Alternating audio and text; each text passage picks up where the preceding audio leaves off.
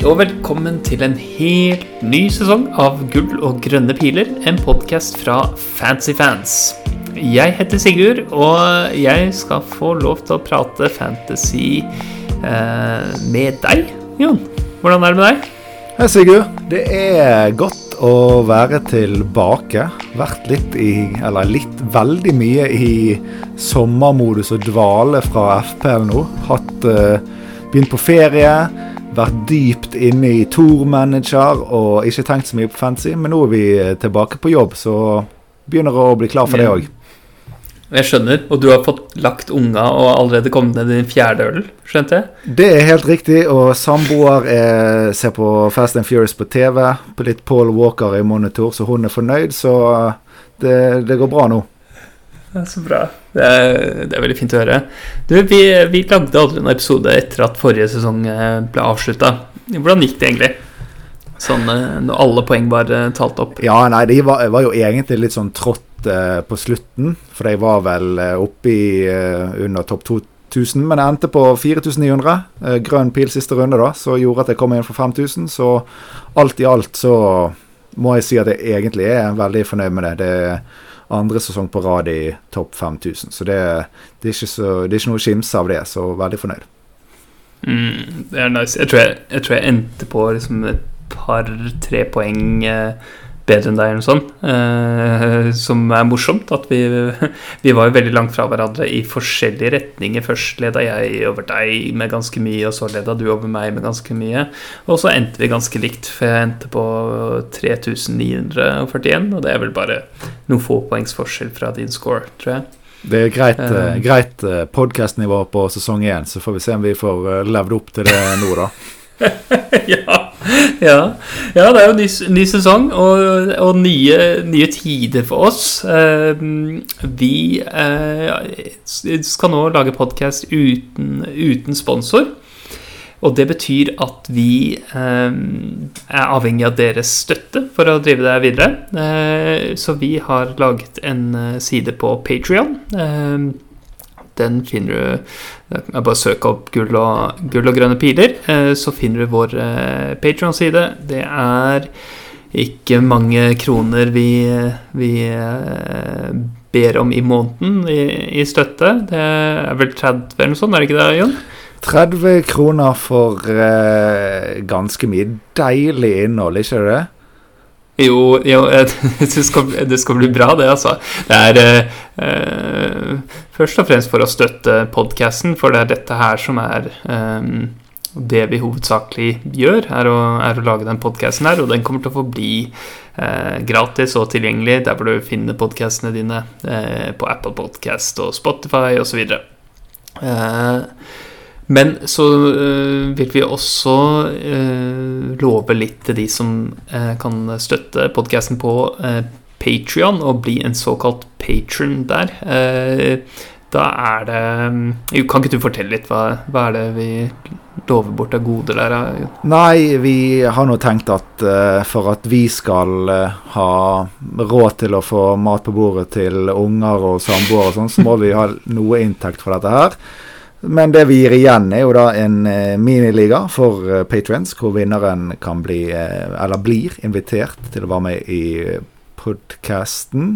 Vi kommer til å dele våre lag, planer og tanker om bytter før fristen til hver gameweek. Og det er ekstra, en ekstra mulighet til å ønske seg innhold til, til podkasten. Ja, ja. Så der på Patron så kommer du også i, i, direkte kontakt med oss, da. Så vi kan eh, prate om, eh, om, sesongen. Det er ikke det at vi sitter på vakt der 24 timer i døgnet hver dag i uka til å svare på til spørsmål, men det tenker vi å, å være litt mer engasjert, da. Eh, så jeg tror det skal man skal få bra utbytte av å, av å støtte oss der, selv om det først og fremst er støtte for å, for å drive podkasten videre. Og, og, vi setter enormt stor pris på alle som vil gjøre det, selvfølgelig. Er du klar for å kjøre på? Jeg, jeg, jeg, kjente det Jeg kjente noe. Altså, jeg har hatt sånn veldig ferie selv, jeg. jeg hørte du, du sa det. Jeg har, jeg har vært og og reist i Tyskland og Frankrike. Jeg sitter nå og drikker en aldeles nydelig vin fra en produsent jeg besøkte i Mosul.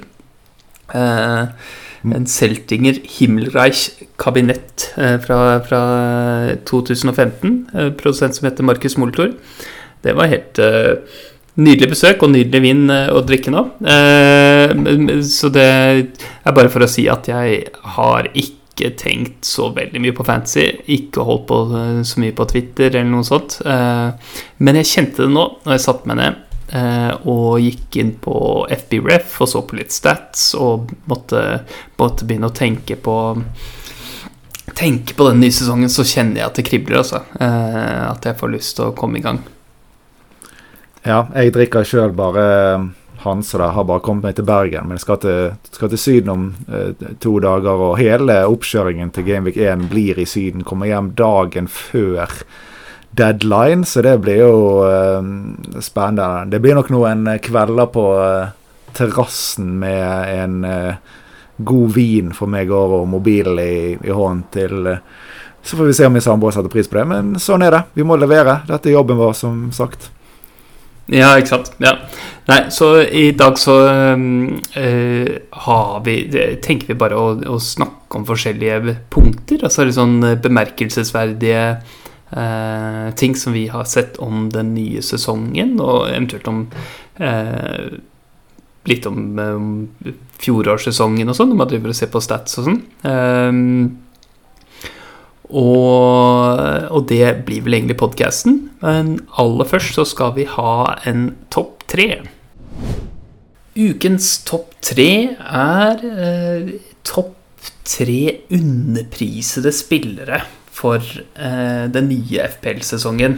Eh, det var ditt forslag, eh, Jon. Ja, jeg syns den er litt artig. da. Hvor hvor gullet? Hvor tror vi gullet enten er fra start eller kommer til å bli eh, etter hvert. Mm, mm. Nei, det er jo liksom rett, rett på kjernen. Hvem er eh, Hvem er eh, Ja, det er ikke helt det samme som hvem er aller mest spikret i lagene våre, men, men det er noen gøy, gøy, ting å diskutere som har direkte applikasjonsverdi. Så hva er det Hvem, hvem er på din tredjeplass. Vi kan begynne der. Ja, jeg kan bare si at jeg har valgt å gå vekk fra forsvarsspillere, for der har, der har jo uh, eh, FPL nå, føler jeg, underpriset veldig mange spillere. Og generelt uh, prisnivået på forsvarsspillere er ganske lavt. F.eks. Uh, Trent. Han har jo en lavere pris nå enn han hadde Nesten en mild lavere pris nå han hadde ved sesongslutt i fjor. Og mange andre av de beste forsvarsspillerne ligger uh, i hvert fall 0,5, om ikke opp mot 1 mil lavere enn eh, man kunne tenkt. Så jeg, jeg, har tatt vekk de, for det er veldig mange som faller liksom i samme kategori der.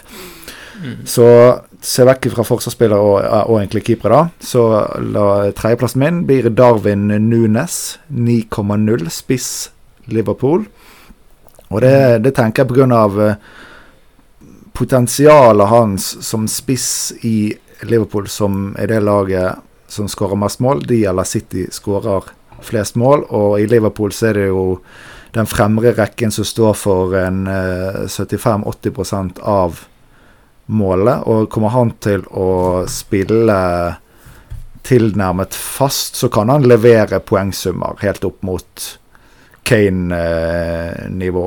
Og, og, Kane er jo en 2,5 dyre, så jeg sier ikke at han skulle kostet 11,5, men han kunne fint ha kostet i hvert fall ti, tenker jeg, som eh, en litt annen type spiss. Litt mer goalgetter enn eh, type Feminio, som har spilt eh, spiss mye for Liverpool. Så jeg er litt redd for at egentlig alle på, de, på min liste kan bli spillere som bare blir must have, som alle har. Og da, jeg syns at man skal ha litt sånn uh, At ingen spillere skal være en alle har. Det er det som gjør fancy kjedelig, at det blir en template som alle har. Og det føler de kanskje kan legge litt opp til her. Men han er, mm. han er jo ny til han, han er ny, da, så det er jo det som gjør det. Jeg skjønner det.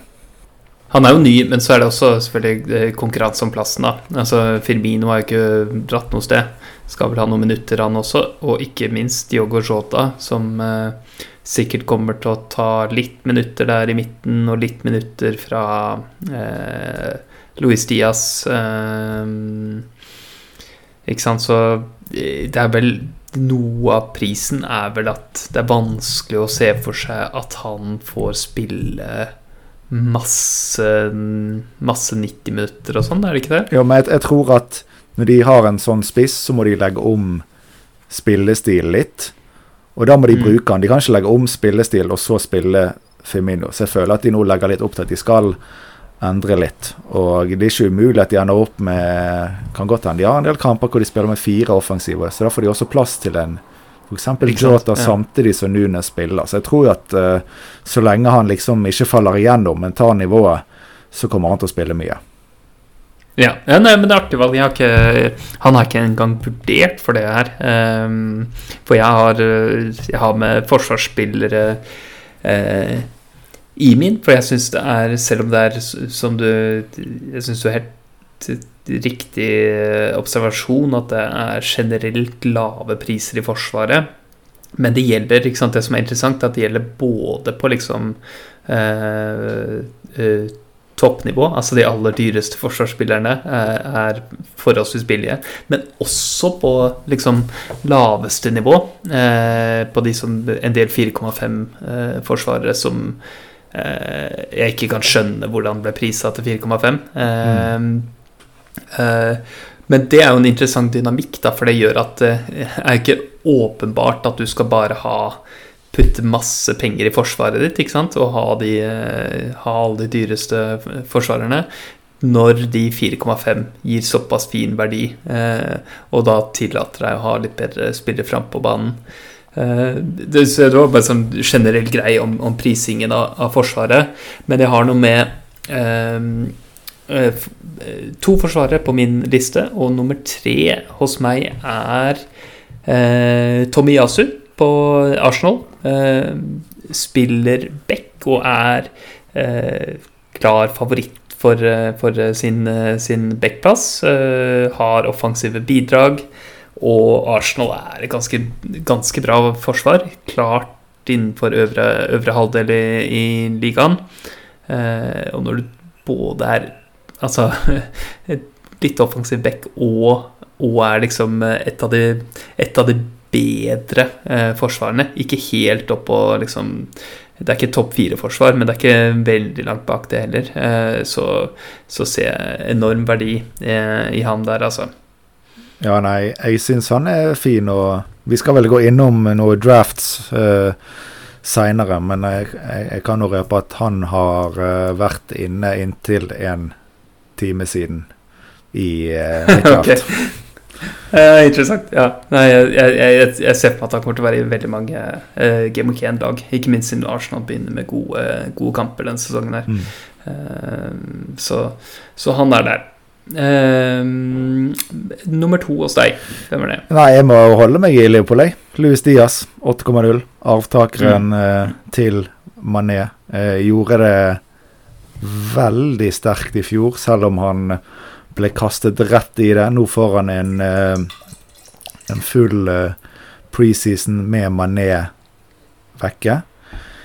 Uh, Firmino han er nå backup på spiste ganske uten tvil. Jota kan jo spille på siden, men jeg ser for meg at Louis Diaz kommer til å få veldig mange minutter. Og som jeg sa i sted, disse gutta som spiller i fronttrioen, eller eventuelt fire på topp, det er de som får poengene i Liverpool. Så jeg kan se for meg at han her er virkelig en som vi vil, vil vise seg fort burde ha kostet ti. Jeg syns ikke han skulle kostet det nå, da, men at han skulle kostet mer enn åtte, det mener jeg.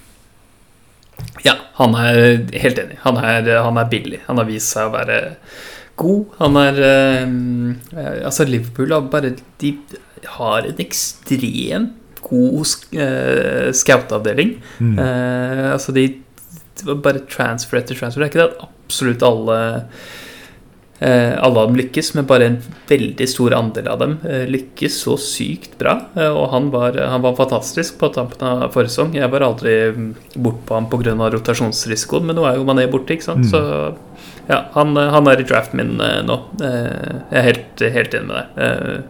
Men er han på topp treen din? Han er, han er ikke på topp treen min. Ehm, men han, han, han kunne Han kunne fint vært der, da. Men det er, eh, jeg føler at det er mange, det er mange å ta av. Ehm, jeg har en eh, kanskje litt mer spicy eh, andreplass eh, med Martinelli. Eh, så jeg er fortsatt, fortsatt i Arsenal. Eh, han koster seks blank, Mm. klassifisert som midtbanespiller. Eh, og det er Ikke sant, her er det her er det sånn Hvis han spiller 50-50, eh, at han deler spilletid med Smith Roe, så er seks blank en helt fair pris og, og kanskje en spiller du ikke vil ha i det hele tatt til 6-0. Men hvis han er favoritt til å ha den plassen, sånn som det ser ut nå, og han er på straffer, for han er vel antageligvis beste straffeskytter i, i eh, Arsenal eh, i øyeblikket, så er 6-0 en helt latterlig pris for en så offensivspiller, så god spiller på et så bra lag, eh, som kan være på straffer.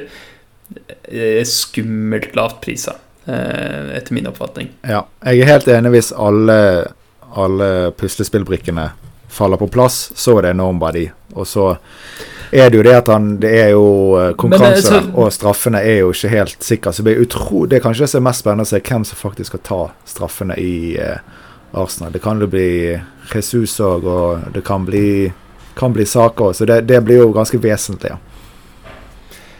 Ja, ikke sant. Ja, det kan, kan, kanskje være, kan kanskje være saka, men jeg, sånn som jeg har skjønt det, så er det Martinelli som er eh, Det er mest sannsynlig at han er på straffer, for han eh, Det var en av de straffene Altså, Saka tok to straffer, vel, eh, forrige sesong, gjorde han ikke det? Altså, ene var mens Martinelli var på banen, men da hadde Martinelli plukket opp ballen først, og Arteta sa at han var overrasket Altså, han trodde at Martinelli skulle ta den. Eh, og andre så var ikke Martinelli på banen. Men eh, Ja, nei, det var bare en liten greie der. Men, uh, men iallfall det med spilletida er vel eh, det eneste sånn Det er det som uh, liksom kan ta han fra helt fantastisk til bare totalt middelmådig. Men, uh, så det, det er et åpent spørsmål. Men vanligvis så pleier de jo ikke å prise ikke sant? Hvis en spiller er veldig god, men har usikker spilletid, så pleier du ikke å prise inn den der usikre spilletida så voldsomt. Altså, Jesus har jo kosta ni millioner, og så lenge Aguero eh, var der og spilte, sant, så var jo ikke det noe aktuelt at han skulle eh, Altså, da ville det bare være aktuelt hvis Aguero var skada, men da ble han kjempeverdi, ikke sant. Eh, det er noe med det at det er skummelt med de der eh, Særlig når det er så lavt som seks på Ja, jeg føler at uh, FPL er litt sånn hvis de, no, hvis de har vært priset høyt, så skal det mye til å ta de ned. da. Og Martinelli han var vel 5-5 han begynte på i fjor, så da er liksom det er lettere for de å sette han på 6 enn hvis han hadde vært 80 i fjor, så hadde han garantert ikke vært 6 blank i år. da. At når de først har steget en gang, så skal det ta det lang tid før de setter de ned. Mm, mm. Ja, nei, jeg syns bare det er eh, litt sånn tullete, for han eh, leverte jo veldig bra for de kampene hvor han var aktuell, ikke sant. Eh, de kamp, altså per, per kamp eller per minutt, eller hva jeg skal si, så hadde han jo kjempegod, kjempegod uttelling eh, for den prisen. Så er det bare eh, rart å sette den prisen på ham nå, syns jeg. Ja, han har 13 målpoeng på 1850 minutter. Så det er jo Ja. ganske decent til eh, 6,0. Så begynner det her å bli eh, 70 pluss per eh, kamp, så snakker vi, ja. Helt enig. Mm. Ja, nei, men det var eh, nok om, nok om Martinelli. Hvem har du aller eh, øverst? Aller mest underprisa? Den her ligger på potensialet. Uh, Marcus Rashford 6,5. ja. Uh, han har altså Det var helt grusomt i fjor. Han endte vel på fire mål og to assist på 1200 minutter. Ikke veldig bra. Men de to foregående sesongene så fikk han altså rundt 175 poeng i begge. Og han hadde vel en pris på 9 eller 9,5 i fjor. Mm. Så at de har satt han helt ned på 6-5, det er utrolig spennende. Jeg hadde liksom tenkt kanskje syv og en halv. Ikke krise med åtte, bare pga. potensialet. Skal han spille fast nå, så kan det her bli eh, bra med ny, eh, ny coach og potensielt ny giv i eh, United, så nå bør De har potensial til å være godt med i topp fire, topp tre-kampen, hvis ting går som, de, som vi håper. Så jeg føler at han potensielt er klart mest underpriset, for han er på 6-5 og har gått ned eh, tre mil fra, fra, i fjor. Han, eh, han er helt Han er veldig spennende. Jeg har han Jeg kunne, jeg kunne også satt ham som, som mest underprisa, men da liksom tenkte jeg ikke helt på ham nå, for han er ikke en som jeg har i draftet mitt akkurat nå. Bare mm, Nei, det er ikke jeg heller. Uh, fordi Nei, ikke sant. For det med, Men dersom han skulle Dersom Ronaldo uh, forlater klubben, da, eller han bare blir fremelsket av, av Ten Hag, så, så er, jeg, er, jeg, helt med på notene der, altså. Ja, det er jo han og Elanga. For det er, det, er, det er en veldig lav pris for liksom at det er bare noen sånn bitte små forutsetninger som må falle på plass. Eh, og selvfølgelig at han finner på en måte tilbake, da, men det tror jeg det er fullt mulig at han, for han å gjøre. Jeg tror, ikke han, jeg tror ikke han har blitt noe dårlig fotballspiller på den tida. Nei, jeg tenker liksom at dette er en spiller som i løpet av de to-tre første rundene kan være han som flest folk kjøper og stiger mest i pris eh, av alle spillere, egentlig. At det blir sånn Oi, shit, her har vi en fast uh, ving på et Manchester United-lag som nå ser bra ut igjen. Og vi er mm. vant til Manchester United-vinger skal koste ni. Altså uh, Potensialet, det der. Ja. Men jeg må se han Det er, det er, det er United-faktoren. Og drømmen som sitter igjen fra Ferguson og sånn, er det ikke det? Med en gang det, en gang det begynner å gå bra, så kan det Så de prisene stiger jo stiger jo noe fryktelig når United-spillerne begynner ja, å skåre. Det er kanskje det verste. United-spillere og prisendringer. Når det sitter der, og fy så det stiger, ja. Så den er, er helt grusomt. Så hvis han skårer i første kamp, hvis du har lyst til å sikre deg en 0-3 prisoppgang til runde to, bare bytt med en gang. Så det er bankers. ikke sant. Jeg er helt uh, helt enig der. Uh, jeg har uh, Jeg syns den mest underpriste spilleren på spillet er Trent Alexander Arnold. Um, det er ikke som jeg behøver å si om det, bare at jeg syns 7,5 er, veldig, veldig billig for, for, å få han på laget. Jeg nesten tenker ikke noe på det engang. Bare få, få Rami på laget. Jeg tror ikke han kommer til å være den som har aller høy, høyest eierandel eh, når spillet starter, men jeg syns han bør være den som har høyest eh, eierandel. Eh, eh har, altså ikke eh, effektiv eierandel, for du skal ikke kapteine han, men han, han, bør være høyest. Han har 54,4 akkurat nå, så jeg regner med at det er helt i toppen av mest eid. Ja, ja, det kan godt hende. Det er vel eh, Hall eh, Brautebass er vel litt over ham. Eh, men, og Sala er litt over ham også, men, men, fortsatt. Det er vel høyest av forsvarsspillere. Og, og, Trent er for god. Han, er, han har angrepsproduksjon som en god, en god kant, liksom. Og så, og så spiller han i forsvar for et defensivt, veldig sterkt lag. Det er helt tullete. Ja, han er, han er fjær fjerde mest eid i spillet akkurat nå. Ja, ja nettopp.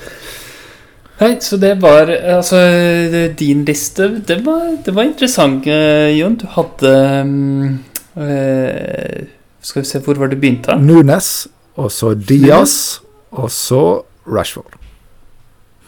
Nunes, Diaz og Rashford. Spenstig. Uh, og jeg hadde uh, Tomiyasu, Martinelli og Trent. Så det var uh, ukens topp tre. Skal vi, uh, skal vi rulle videre i programmet vårt? Ja, vi har vel litt mer å snakke om. All right, Jon.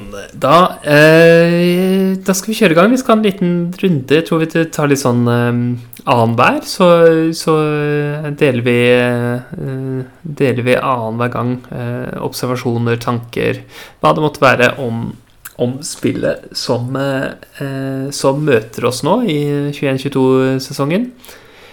Og det første som jeg hadde lyst til å få med her, er eh, noe de aller fleste har bitt seg merke i, vil jeg tro, som har registrert spillet, er at det er VM i år. Eh, og VM blir holdt på vinteren i, i desember. Eh, og da, under VM, så har man eh, ubegrensede gratisbytter.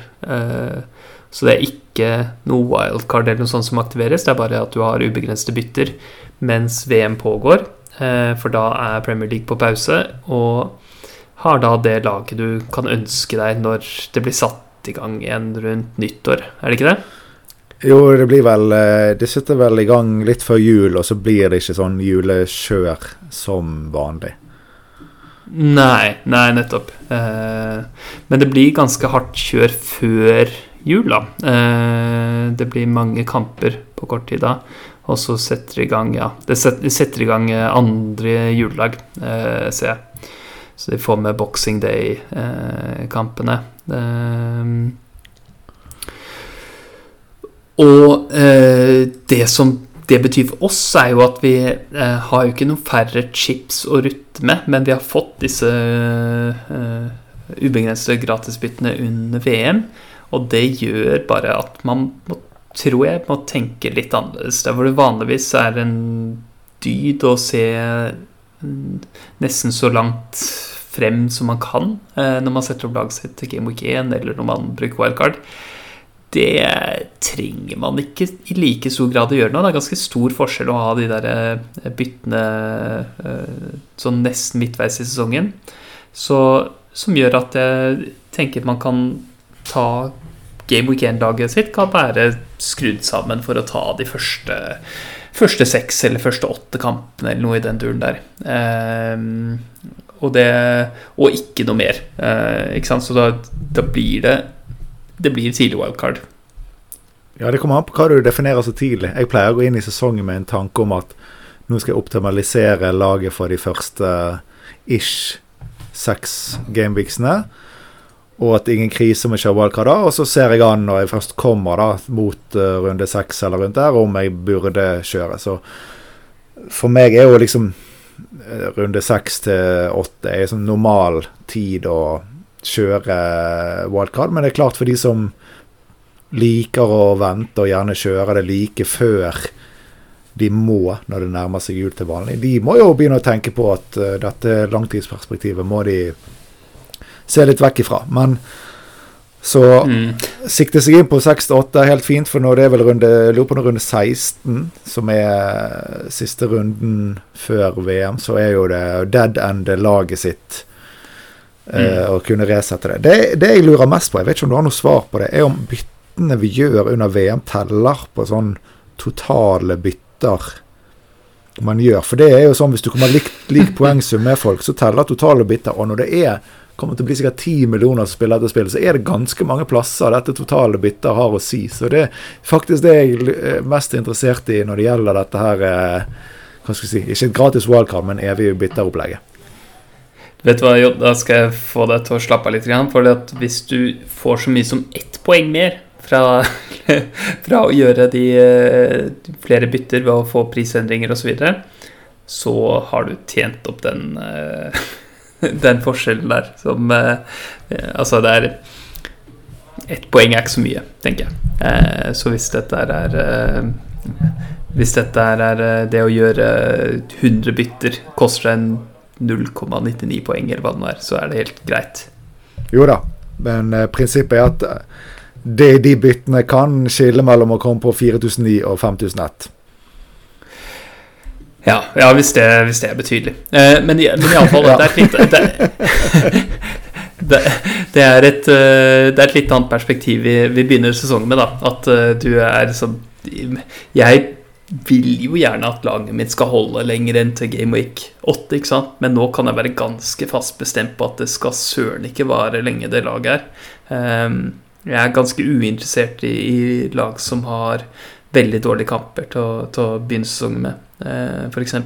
Um, ja, nei, men... Skal ha Mm. Ja, nei, bare eh, Som sagt, for min del så har det liksom ingenting å si. For jeg, jeg setter ikke opp noe Gameweek 1-lag med tanke om noe som helst med fixtures eller noe fra Gameweek 8 og ut. Så for meg blir det, blir det akkurat det samme, altså. Bare at jeg vet at da Istedenfor at jeg skal se det an, så blir det nesten sånn at du bør kjøre det selv om laget ser greit ut. da. Det er det Mm. som blir forskjellen. Men det gjelder først når du er der. Og ikke så mye med Game Week 1-laget. Så ikke ut så det er så mange som Jo da, jo da, setter det ja. opp sånn på Game Week 1. da. Nei, jeg, jeg, jeg, jeg, skjønner, jeg skjønner hva du mener. Det, det kan jeg også være enig i. Ehm, men du, da? Hva hva er det første, første tanken du har gjort deg? Uh, det var ikke det første jeg tenkte, men jeg begynte etter hvert å United-fan. Begynte å se på United. Det er mye potensielt gull her. Mye som kan være riktig priset hvis det fortsetter i samme tralten, men eh, nå noterte jeg noen priser. Alle jeg syns jeg er spennende. Rashford, Eriksen 6,5. Sancho 7,5. Martial som spiss. Om det noe, blir noe kødd med Ronaldo at han ender opp med å forlate eller noe, så er han spissen i laget. 7,0. Keeper, forsvarsspillere 5,0.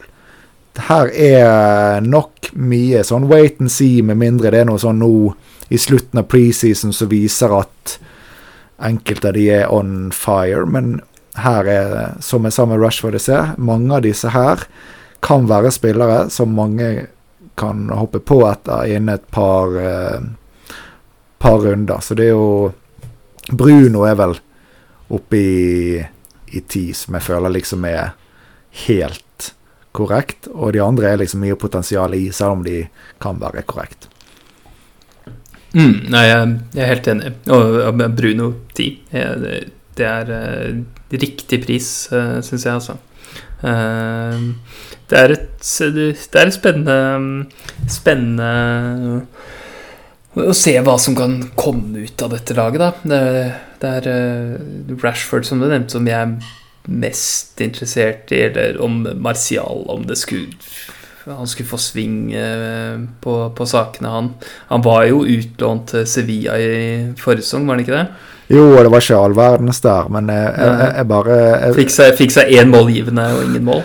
Ja, Sånn på nei. sånn her, Ingen grunn Han, har- han skåret i noe eh, preseason nå, men herregud. Men eh, nei, det, det er bare at uh, i tillegg så er akkurat det med Martial at spissfeltet virker jo litt seigt. I fjor så det på papiret veldig bra ut. I år virker det på papiret ganske seigt med en del eh, spillere som føles litt overprises, f.eks. Bamford og Calvert Lewin og opp i åtte mil. Og, altså det er mye litt sånn Da kan du få Mm. en potensielt spiss for United til syv, men altså selvfølgelig akkurat det er jo med alt avhengig av Ronaldo, men eh, mye spennende, altså.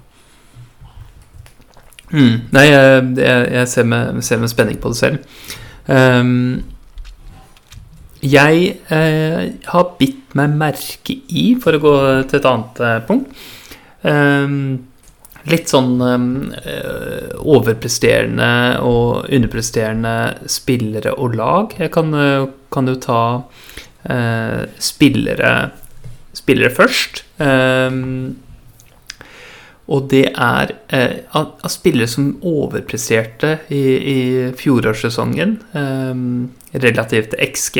Og da kan man eventuelt ta relativt til XG justert for avslutningsferdighet, som er fullt mulig å kalkulere ut. Men så har du De Brøne. Han er en god avslutter, men han eh, Altså, han skårte eh, 8,6 flere mål enn han hadde i XG. Så han hadde 6,4 i XG og skårte mer enn dobbelt så mye som det. Ja, dette går jo Eh, ikke. Han skårte 15 mål. Det går, det går ikke. Eh, Det er for mye. Han, ikke, han skårer ikke to mål per, Nei, det per var jo liksom voldsomt mye sånn deilig innside fra 20 meter. Sånn her eh, Så burde det vært keepermat fra andre spillere. De bare liksom med god margin fikk han i mål. Det er sykt. Ja, ja det, det, var, det var ganske, ganske tullete, altså. Eh, så han, han har overprestert. Jeg syns de har prisa han for høyt eh, i år. Eh, Ja, i hvert fall, i hvert fall når du har typ Haaland som er go to guy på topp når han er skadefri, og du har Sala på midten, så er det jo Det er litt vanskelig å se for seg at du skal ha ha De Brine akkurat nå. Ja, jeg syns det. jeg synes Det Det er andre spillere på City som er veldig interessant, men han uh, prisa de veldig høyt. En annen som de har prisa veldig høyt, uh, igjen en spiller som har overprestert uh, en del, er uh, Jung Min Son. han skåra jo så mye som 23 mål. og det var fra en XG på 16,4 han, han skåret de målene. som er Hva skal jeg si Det er ikke like ekstrem overprestasjon som De Brønne. Det er nok Altså, det er vanskelig med Son, for han er kanskje verdens beste avslutter eh, i fotball. Så han har en forventet skåre flest mål i forhold til XG-en. Men fortsatt så er det Det er litt, det er litt i overkant. Eh, og jeg er litt skeptisk til Son, særlig nå som han koster tolv eh, selv. Ja, jeg syns det hadde vært mer spennende om han lå på elleve, jeg. Det hadde vært mye ja, mer spennende. Og, men apropos det med XG, så er det vel Mener jeg har uh, lest eller hørt at de aller beste i verden kan maksimalt ha en forventning om å skal rundt uh, eh, 30 over XG-en sin. Altså type uh, Messi, prime-nivå og et par andre spillere. Gjerne sånn som sånn kan ligge opp mot 30% over. Ja, så ja. han er vel litt over der igjen òg. Ja, han er vel eh, Ja, han er vel det. Han er 16,4, så han er, han er, litt over 30% Men eh, det er vel, ja, pluss 25% vil jeg tenke er, sånn, eh, er omtrent taket for, for, hva man kan forvente. For det er, det er Messi-nivå, liksom. Mm. Eh, over, over, tid. Eh, og Son er antageligvis rundt der, han også, da. Eh, så fair nok det. Men under, underpresterende spillere, eh, så er det en del navn som ikke er så interessante. MBU-Mo eh, underpresterte noe voldsomt. Eh, Skårte fire mål, men hadde en XG på nærmere ti. Det er seks stolpeskudd av de første fem rundene? Ja, noe sånt. Men da, han skjøt mye utover også. Men jeg bare liksom, vi skal ikke avskrive han helt hvis han fortsatt får spille i det Brentford-laget og sånn. Um, men andre interessante underpresterende spillere er eh, Harry Kane. Han fikk du smake underprestasjonen til. Uh, han skårte jo 17 mål. Uh, men, men, hadde en høyere XG enn det. Eh, for han hadde 20,1 i XG. Eh, så han eh, han, har, han er helt klart underpressert. Eh, mens han i realiteten eh, altså Hvis du ser på tallene hans over karrieren, så vil du få bilde av en veldig god eh, god skuddfot, eh, så, det, så, det, virker rart. Eh, tilsvarende kan jeg si om eh, Jao Cancero, som sikkert er hakket hetere enn hva jeg innbiller meg at de fleste tenker. Eh, City har jo utmerket forsvar, det er jo en kjent sak, men han skårte bare ett mål i fjor, men hadde en XG på 4,1. Så han har underpressert på XG-en ganske betydelig. Og det er ikke noe liksom jeg kan, jeg, Når jeg ser han spille, så ser jeg, ikke, ser jeg ikke en spiller som er dårlig til å skyte.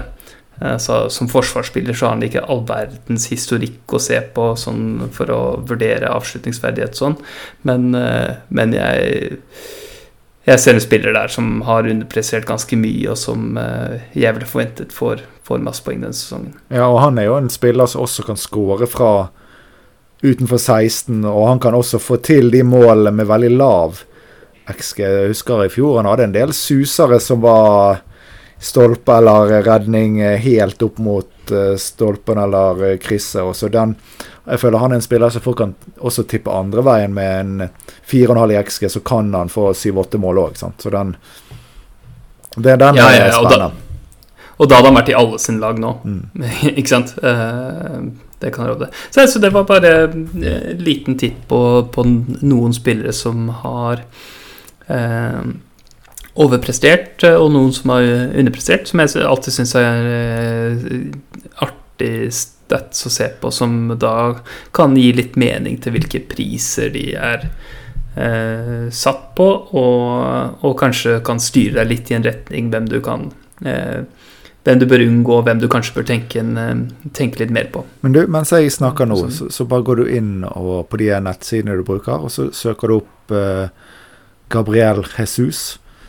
Uh, jeg, mm -hmm. jeg, bare Jeg føler at han uh, må være en spiller som underpresterer på XG, og han skal underprestere på XG, for han er ikke en god avslutter i det hele tatt, i mitt hode. Så jeg er sånn uh, OK, kult. Få han til Arsenal, få han til å spille fast. Men jeg er ganske skeptisk til for han bommer ganske mye. Men uh, om det er bare meg, eller om tallet gjenspeiler det, det håper jeg at du kan gi svar på nå. Jo, Gabriel Jesus er en, ikke, en, uh, ikke en veldig god avslutter. han er Eh, han ligger under XG-en sin på, på, karrieren. Hvis vi ser i ligakamper bare, da, så har han um, 74 mål fra 61,9 XG. Uh, så det betyr at han har 10,9 færre mål enn han har XG. Og så er det underprestasjonen er litt mindre ille hvis du bare ser på non-penalty eh, XG eh, mot non-penalty mål. Eh, så det er liksom sånn karrieretall for ham i, i ligaen. Det er, det er ikke bra, men samtidig, det er ikke helt Det er ikke helt krise. Og, og det, det, er viktig å ha i mente. Det er veldig lett å begynne å overdrive dette med avslutningsferdighet sånn. Det aller viktigste for spillere liksom er For uh, i hvert fall det jeg anser som beste forventning på hva de skal skåre, det er uh, å se hva de hvor mange gode sjanser de kommer til, uh, og hvor ofte. Eh, eller nøyaktig hvor god sjansen er, og det blir målt best bare ved XG-en. ikke sant? Mm. Og, og, Gabriel Jesus han er god til å komme i, i posisjon til å skyte fra farlig hold. Eh, enten ved egne eh, driblinger eller, eller eh, ved å ta returballer eller, eller, ved å løpe seg fri for medspillere. Eh, så det er liksom det, det, er det viktigste. Og så må man ha i mente at han har over karrieren avslutta litt dårlig. Ja. Hmm. Neida, det var bare et sidespor. Begynte å tenke når du snakket ja. om disse gode spillerne. Så tenkte jeg en som jeg mener uh, ikke er veldig god på det, men uh, i City har fått liksom matet på, i hvert fall når han har spilt spiss, fått masse muligheter. og mm. Skårer gjerne et mål i kampen, men burde gjerne puttet uh, to-tre. Men ja. ja. Um, Nei, jeg, jeg, jeg, ser for meg det der skuffede ansiktet hans etter han har bommet. altså, det er veldig lett å se for seg. Men uh, få se, se. Det kan bli en ny vår i, uh, i Arsenal. Jeg, jeg, tror han er kjempebra signing for, for Arsenal. Og skal, jeg, er spent på å se hva han kan uh, få til der. Ja. Nei, men hvis vi skal ta neste punkt Noe jeg har mm. bedt meg merke i, er at jeg tror at det er ganske viktig å ha minst én midtbanespiller som ligger i pris, prisklassen på rundt 8, og en som ligger på rundt 6-5, for da ligger det veldig mye bra. Og mm. um, det er litt det samme som å ha price point på spiss med type Haaland, Kane, men på midten er det så utrolig mange man kan, om man bommer, kan hoppe videre på. Uh, vi kan kanskje gå litt Særlig rundt åtte, hva? Ja, begge deler, da. Altså, jeg, okay. jeg nevnte jo på 6-5. Du har jo Martinelli og du har Neto. Han er jo litt uh, rimeligere. Du har flere United-spillere og osv. Det, det er en del av de, men ja, på åtte Vi kan, hvis du vil, kan vi gå inn på de, men jeg noterte ned uh, Mares Foden, Diaz, Madison, Bowen, Saka. Så å ha minst én uh, spiller til den prisen og kunne hoppe over på den som er heitest, det tror jeg er veldig smart å gjøre. Ja, jeg, jeg, har bare bitt meg merke i det der uh, midtbanespilleren til åtte. Jeg syns uh, du nevnte Mangoe, men også Mason Mount koster jo åtte. Mm, riktig, eh, riktig. Han, han, er jo også en het kandidat, mener jeg, da. og er i draftet mitt akkurat nå, faktisk. også. Ja, han har, tenkt, han har, ikke tenkt, så mye på, så det hjelper å snakke med deg, Sigurd. ja, men det er bra. Det er bra. Uh, Eh, Men, eh, men ja, det er eh, enig, enig i det rådet. Man kan ha en eller to av de der midtbanespillerne til åtte, så er det, så er det gullet. Det er nok å ta av. Og, og nok, å, nok å gå videre på uten å måtte bruke to transfers. Ja, og apropos, apropos prisklassen 6 til 6,5. Pulisic 6,0. Stort potensial. Ja, stort potensial hvis han, hvis han får spille. Eh, ser, jeg tror han må se et stykke fram til det, altså. Eh, nå. Men eh, Det, kanskje. kanskje. det, det er American Messi, vet du. Mm. Mm. Han er god, da, når han, når han først får, kommer inn i det og får spilt. Men ja. Det er mange om beinet i Chelsea. Men har du noen eh, favoritter eh, i eh, åttemil-klassen sånn mot, allerede mot Greenvik 1? Nå har du røpt at Mount er der, men eh, hvem tenker du er de heiteste liksom med en gang? Jeg kan si er de tre jeg liker best. Ja. Ukens topp tre. Ukens topp tre er Louis Diaz, Phil Foden og Mason Mount. Eh, ikke i noe bestemt rekkefølge, for det er litt forskjellige kvaliteter her. Eh, Diaz tar jo en Liverpool-plass, som er, eh, vet vi, de mest verdifulle lagplassene å, å ha på, på laget sitt. Mm. Um, så er det et lite, lite trekk for ham, men jeg har veldig stor, store forventninger eh, til ham, og jeg tror han er Han er vel omtrent like spikra som Mount for spilletid, skulle jeg tro. Um, og så er det det derre med Foden, da, som er den av de tre som jeg har høyest forventninger til per 90, eller hva jeg skal si. Eh, Mm. men som har spilletidsutfordringer. Eh, og så er det Mount som, eh, som eh, har kanskje best spilletidsforventninger av disse her, og er liksom det Jeg tenker liksom sikreste kortet på et eller annet vis. da At det er liksom vanskelig å gå At det går helt gærent med Mount, altså. Eh, han har vært eh, Han har bare blomstra videre under, under Tuchel. Jeg syns han bare blir bare bedre og bedre. Eh, fotballspiller og, og også fantasy-spiller, for de offensive bidragene kommer jo eh, som bare det. Så um, Men, men, han er eh, han er spent på. men Phil Foden, litt sånn City. Mm. Hvis Haaland eh, Han er spiss. Ganske klink når han er skadefri. Mm. Det er jo ganske grei konkurranse på venstre der, med spesielt uh, Graylish, som nå har fått seg en sesong til å komme inn i laget, og ingen av de er vel noe sånn spesielt som skal ut på, på høyre der, egentlig, er det det? Nei, det er vel ikke det. Uh, altså, Stirling er jo borte, ikke sant, så Mares får eh, Altså, jeg kan fint se for meg det ikke, Jeg har sett rare ting enn at uh, Pep spiller en av de her, uh, Foden eller Grealish ut på høyre. Uh, det hadde ikke vært det rareste i verden, da, men eh, Nei, bare Nei, det er, ikke, det, er så, det er ikke så godt å si. Altså. Men det? En ting som jeg kan se for meg at Foden får gjøre, det er at han kommer til å få noen av de minuttene hvor Haaland ikke spiller. mm. Eller at Haaland blir bytta ut. Eh, At, at Foden får spille sentralt eh, der. Eh, og bare at eh, Altså, magefølelsen min for han er ganske god. Altså I motsetning til Mares, da, så har Foden vært i større grad liksom eh, Peps uh, gullegutt. Eh, han er veldig glad i ham og, får stort sett spille mer enn det Mares får. Så, så det gjør at jeg har liksom eh, Utgangspunktet hans syns jeg, er, eh, synes jeg er veldig godt. da Men så, så er det masse ubesvarte spørsmål om nøyaktig hvor mye spilletid det blir. Eh, mm, ja. så det ser jeg.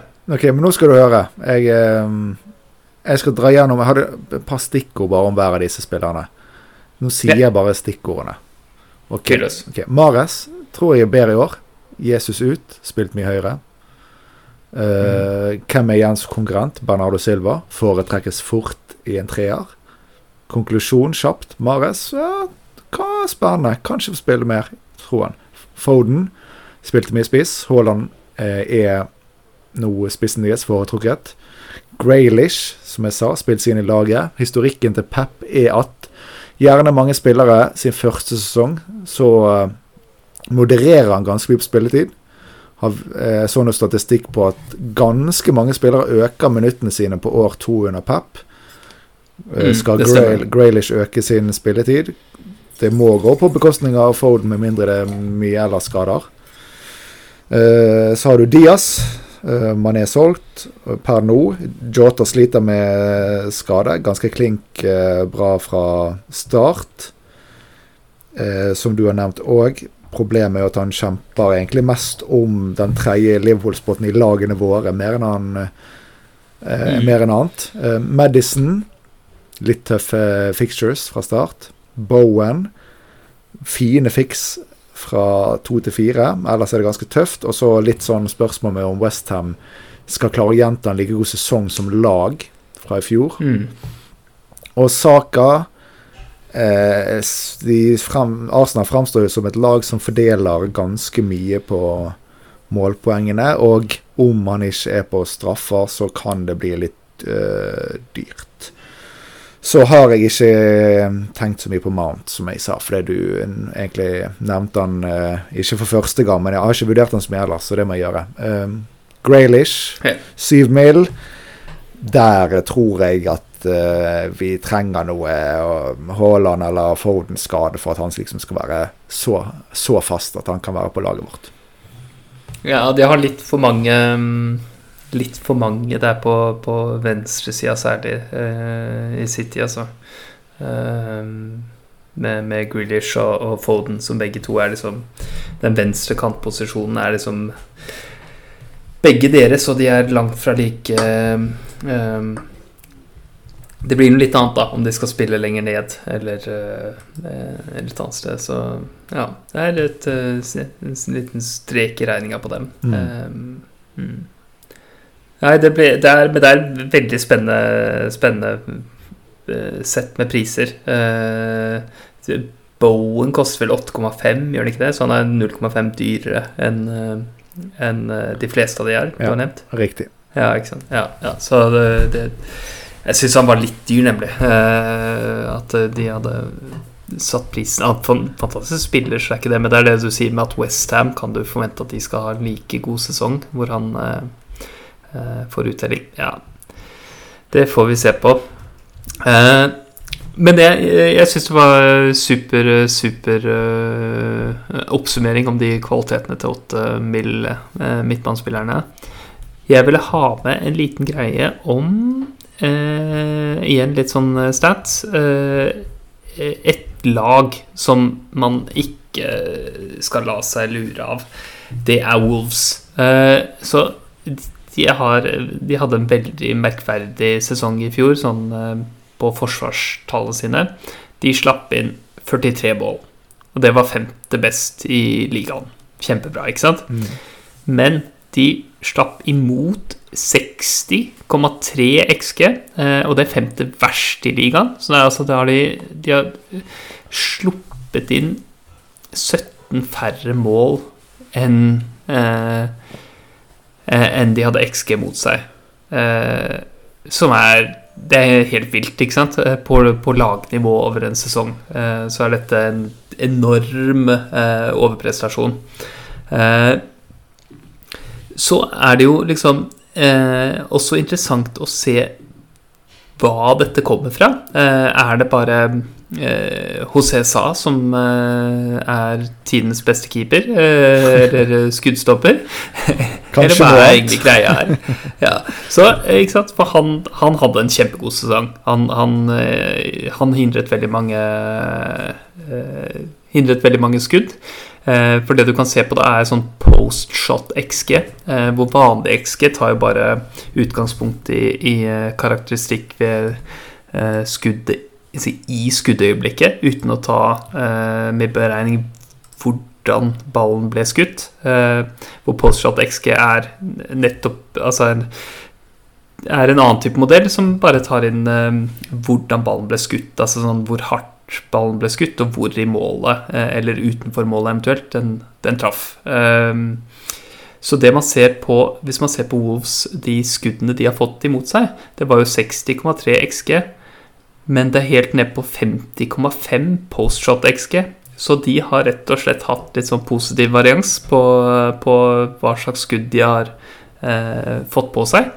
For eh, det er ganske mye mindre eh, med de ti. Og så har i tillegg til det så har José Sa eh, hatt en god, eh, god sesong for redninger. Eh, det bidrar i sum til et lag som antageligvis, i hvert fall om de er like gode defensivt som det de var, var i fjor, eh, ikke er så, ikke er så heite. Mm. Det er litt sånn besynderlige her er at de har en veldig spennende wingback i, i Johnny. Eh, som ikke sant, offensiv wingback som bare koster 4-5. Eh, som kan være veldig god til tross for eh, dårlige, de dårlige underliggende forsvarstallene.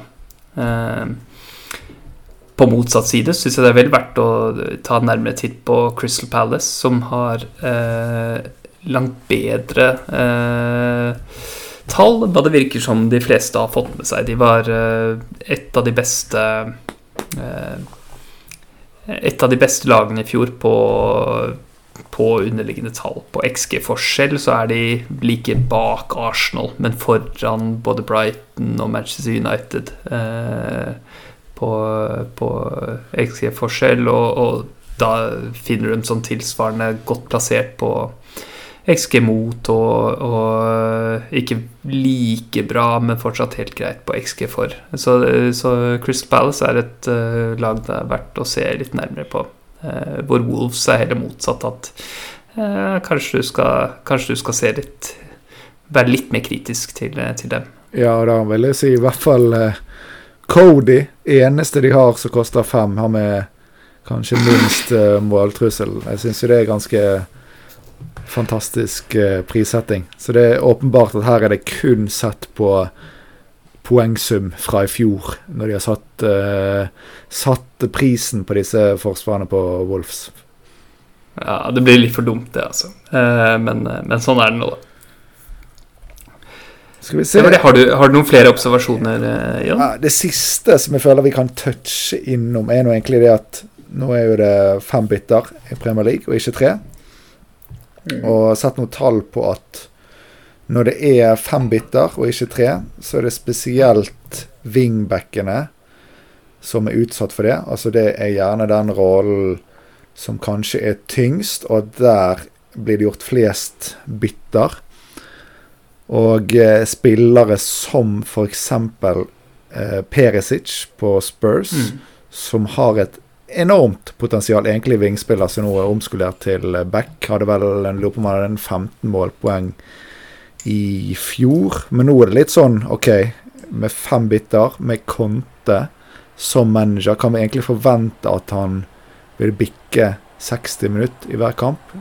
Han spilte i fjor en, en god del, egentlig, men året før så var han vel under Conte da òg, og da hadde han en del eh, under 60 minuttskamper. Og nå er han to år eldre igjen og samme manager tilbake og fem biter. Så det, det lukter litt sånn eh, kjipe 53 eh, minutts, 55 minutter eller til pausebiter på Perisic. Egentlig en spiller har potensial til å være en enorm FP-leser til 5-5, som jeg nå er svært skeptisk til. Ja, jeg er skeptisk selv. Jeg tror han er en stor felle. Uh, kjempefristende. Men, uh, men det der spilletidsutsiktene har jeg null, null tro på, altså. Tenk på alle kampene han kommer til å bli byttet inn på å spille 20 minutter og sånn. Jeg skal ikke være altfor alt for sikker i min sak her. På, altså Spilletidsutsikt er alltid vanskelig å vurdere, men, men mønsteret fra, fra, tidligere ser ikke bra ut for hans del.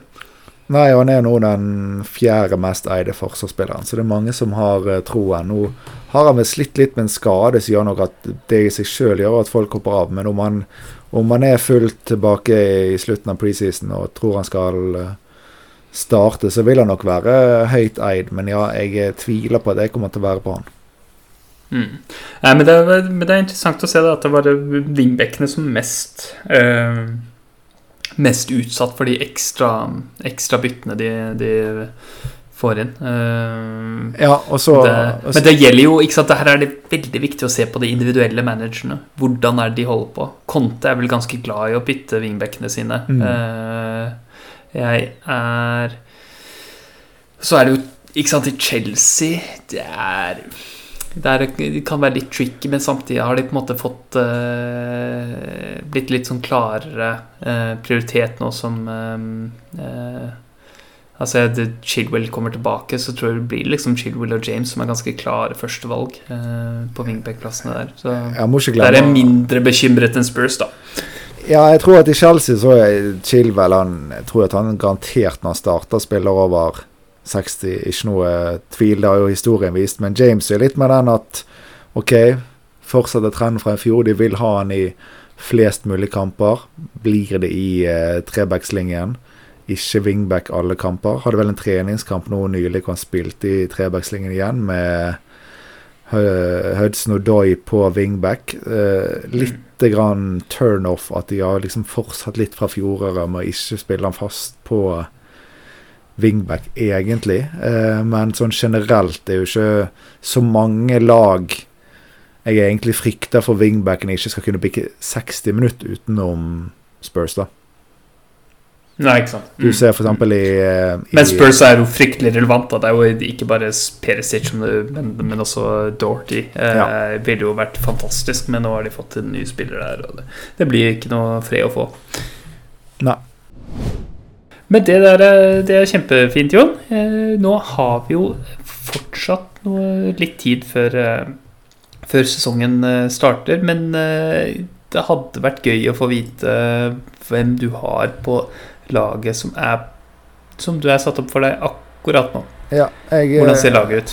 Jeg lagde egentlig dette laget ganske kjapt etter spillet lansert, og så var jeg inne og gjorde to-tre bytter starta nå i sted. Første endringen jeg har gjort siden uh, spillet er lansert. Men jeg syns jo det ser ganske greit ut. Uh, vi kan dra gjennom uh, elveren først, som sånn står. Da er det Mandy i mål. I forsvar mm. har vi Trent, Cancelo, Chilwell og Walker.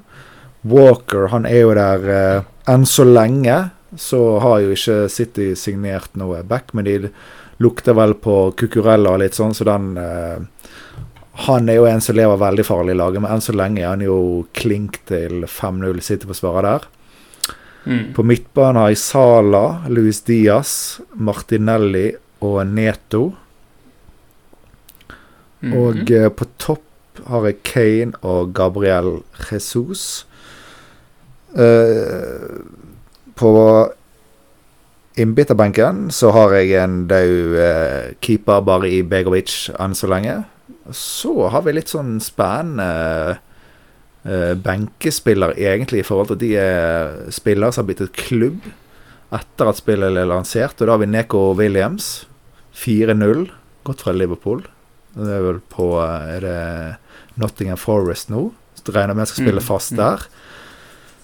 Så har vi Andreas Pereira, gått fra eh, United til Fulham. Regner med han skal spille gjerne fast på midten der.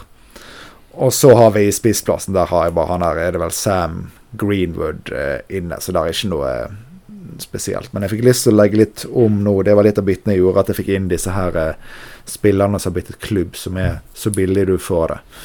Uh, det jeg ellers kan si, at det er jo veldig spesielt og belystende dette her med Luis Diaz mot uh, ha inne Robertson. Mm. Fristende å se an i hvert fall uh, Darwin Nunes på topp istedenfor Jesus. Så det igjen vitner om at denne tredje Leopold-spotten kan bli litt sånn uh, hva som helst. Og så hadde jeg jo Kane på topp enn så lenge. Det er litt, nå har jo ikke Haaland kommet i gang for City ennå, så der må jeg se litt an. Men de skal vel ha en uh, spesielt viktig Charity Shield-kampen de har rett før sesongstart og se mm. an uh, laget der. Og Ser det ut som at Haaland er 100 og klar igjen, så regner jeg med at han går inn og tar uh, plassen til uh, Kane. da. Ja, ikke sant. Jeg lurte litt på den der, hva du, hva du egentlig tenkte med Kane der. Jeg har, jeg har satt opp Haaland i mitt eget lag, men det er klart, jeg vil ikke ha han der hvis du ser uh, Eh, hvis det er for, for sketchy når, når um, sesongstart uh, står på trappen. Ja. Um, da, så den er, den er Haaland hvis han er 100 Ja, men dette var artig. Du har sånn litt annen struktur med Jeg bare prøver å gå gjennom mitt eget lag. Jeg, jeg har uh, Raja i mål, keeperen til Brentford. Uh, solid lag. uh, og, og han virka bra på sånn her keeperspesifikk statistikk, altså med redninger og bonuspotensial osv. Um, og så har jeg eh, Cancelo Trent eh, James. Eh, og så har jeg to 4,5-forsvarere. Eh, da er det vel én av dem som skal spille i Game Week 1, da. Men det er Johnny. Tross min skepsis for Wolves-forsvaret, så er han forholdsvis offensiv eh, wingback eh, for dem. Eh, og så har jeg Tomiyasu, som jeg nevnte tidligere. Det tenker jeg er to gode 4,5-forsvarere. Louis Dunk er også veldig interessant der, men, men det er nå en annen sak. På midtbanen har jeg, eh, som deg, eh, Luis Diaz, Martinelli, Sala og Andreas Pereira på benken. Eh, men den fjerde, eller femte midtbanespilleren, som, eh, som altså eh, er først og fremst spillende, er Mason Mount, som jeg nevnte. Så har han, han istedenfor din Pedro Neto. Også på topp har jeg Haaland, og i øyeblikket er det vår alles kjære Aleksandr Mitrovic. Oi ja, Eh, se på ja. det. Han, eh, han står der inne nå. Eh, de har ikke de beste kampene til å begynne sesongen, men han han, eh, han skal inn på laget i løpet av sesongen. Han skal få spille ganske mye for, for kjøttkaker og sjambol, fancy, fancy laget mitt. Så han skal, han skal ha mange minutter. Jeg er litt usikker på om jeg kommer til å starte med ham, eller om det blir en eller annen tullete spiss, han derre Forest-spissen som jeg ikke skal prøve eh, å uttale navnet på, eller eh, Solanke for eh, Bournemouth, eller Nei, ikke noe Solanke. Eh, eller Ivan Tony, eller no, Det blir noe tull der på den andre spissen, altså. Det, det kan bli han der Såpass kan jeg love. Det kan bli han der Undav, er det han heter? På Brighton. Ja, de har kjøpt seg spiss, de. Skåret ja. noe helsike i Belgia. Eh, Ja. Nå må P er nå der. Eh, ryktes at han kanskje skal ut. Og det er jo klart, hvis må P skal ut Undav eh, har vel en eh, Hva var det han hadde i fjor? En eh, 08 i mål per kamp og eh, plusser på med litt assist i tillegg. Helt annen liga alt, men 5-5-spiss er jo alltid spennende. Så det er i hvert fall noe å følge med på. Men Mitrovic har nå prøvd seg i Premier League et par ganger. Er det third time's a charm, eller? Ja, det tror jeg. Det er uh, uh, Jeg tror at Fulham er bedre nå enn det de har vært de forrige gangene de har rykka opp. Uh, det er det informasjonen jeg får fra odds og fra altså modeller som bygger på, på hvor bra lagene har, har gjort det, eh, osv. Så, videre. så Fulham er bedre nå enn de to forrige gangene de har rykka opp. Eh, jeg har, jeg har tro på, tro på Mitrovic, eh, og tror kanskje jeg heller ville ha han med litt vanskelige kamper enn eh, Altså hvis du blir for tøysete da eh, med den andre spissen, eh, så, så føler jeg meg trygg på Mitrovic for, for minutter og, eh, og er på straffer og er liksom det, det er ingenting han gjør, og det er å skåre mål. Eh, ikke sant? Så- Ja, så har du jo litt sånn med price points på spiss, og selv om det er litt kjedelig, så er det jo greit å ha en som er i hvert fall oppunder syv, for du har jo et Det er nå et felt der, selv om det ikke akkurat nå virker så spennende. Så kan jo det Mm. selvfølgelig dukke om. Det er jo Jimenez er vel eh, blant annet syv eh, blank, og litt sånn hvor det ligger litt eh, potensial eh, i, i hvert fall. Så å ha et eller annet litt sånn i nærheten der er nok eh, eh, ganske greit. Ja. Er det, det, det tenker jeg også det er Og det er så en del spill, spisser til seks, og, og da er det aldri vondt å sitte med den spilleren som koster en halv million mer. Eh, for da kan du skaffe deg det, den spilleren det måtte være, eh, tross prisendringer. Ikke sant? Så slipper du å stresse med å bytte tidlig osv. Ja, det var litt det jeg tenkte med Jesus òg, at det er bra Mm. kamper fra start. Eh, åtte blank, da når du så å si alt, egentlig. Ja, ja, ja. ja, det er bare Haaland Kane eh, omtrent som, som er unna der. Ja. Eh, men du, nå har vi, nå har vi prata lenge, igjen. Det var lenger vi hadde tenkt, tror jeg. Ja. Jeg hadde ikke, jeg hadde ikke snakket så mye om lengde, vi. har jeg? Nei, Jeg hadde bare mye, mye på hjertet. jeg føler at introen var at begge to har hatt det liksom avkoblet fra FPL. Og så plutselig sitter vi her og har eh, masse på hjertet. Deilig, da. Deilig. Jeg kjenner, kjenner enda mer spent nå enn, enn da vi begynte. Så eh, det skal, det skal bli deilig når, eh, når eh, Game Week 1 nærmer seg, altså. Hvor mange endringer har du på draften din når vi kommer til Game Week 1, tror du? Fra det her. Ja. Eh, da tror jeg at det er fire eller fem av spillerne som er annerledes. Ja, jeg tror at eh, denne sitter liksom bra. For dette er basert på Det er ikke basert liksom på preseason-kampene. Det er bare eh, bra pris, bra spillere, mye av det. Så jeg føler det skal ganske mye til at det blir mye endringer. Men det, Vi sier gjerne det hver sesong, men eh, kanskje spesielt i år. ja, ja. Ja, nei, det er ikke um, Det er ikke godt å s- eh, Det jo aldri helt godt å si, men det, det var ikke noe sånn Altså Jeg hadde, jeg hadde syntes det var helt ok om, om eh, sesongen begynte i morgen, og det var det jeg hadde satt med, og vi hadde den informasjonen vi har nå. Ja, hadde bare stresset hadde helt, helt fint, ja. Jeg tror bare det stresset Eh. som F med siste Liverpool-spotten. Det er det eneste som er virkelig eh, vanskelig, syns jeg. Ja. Akkurat. Ja, ja, ja. Nei, jeg ser, ser den altså. Ser den. Men eh, podkasten vår den eh, finner du der hvor du finner eh, podcaster. Eh, Spotify, Apple Podcast osv. Hyggelig om du gir oss en anmeldelse. Eh, på Twitter finner du oss at gronne-piler. Eh, der finner du lenker til Twitter-kontoene eh, våre også. Altså våre personlige kontor. Og så vil jeg bare gjenta det at vi nå trenger deres støtte på Patrion eh, for å fortsette dette prosjektet her. Eh, og, og setter enorm pris på støtten vi får der.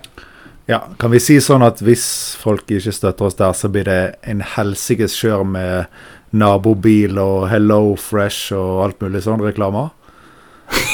ja, jeg tror vi må si det. Vi må true med det. nei, nei da. Eh, jeg tror heller vi bare sier tusen takk for eh, de som støtter oss. Jeg. Vi får la den ligge. Ja. Ok, Jon. Da prates vi. Vi må prates igjen før, eh, før sesongen begynner. Jeg kommer hjem fra Syden dagen før deadline. Vi spiller uansett inn da. Så får vi se om du finner på noe sprell i mellomtiden eller ikke. Ikke sant. Ja, det gjør vi. Ok. Men du må ha god tur, da. Takk skal du ha. Vi snakkes, da. Vi snakkes. Ha det bra. Ha det.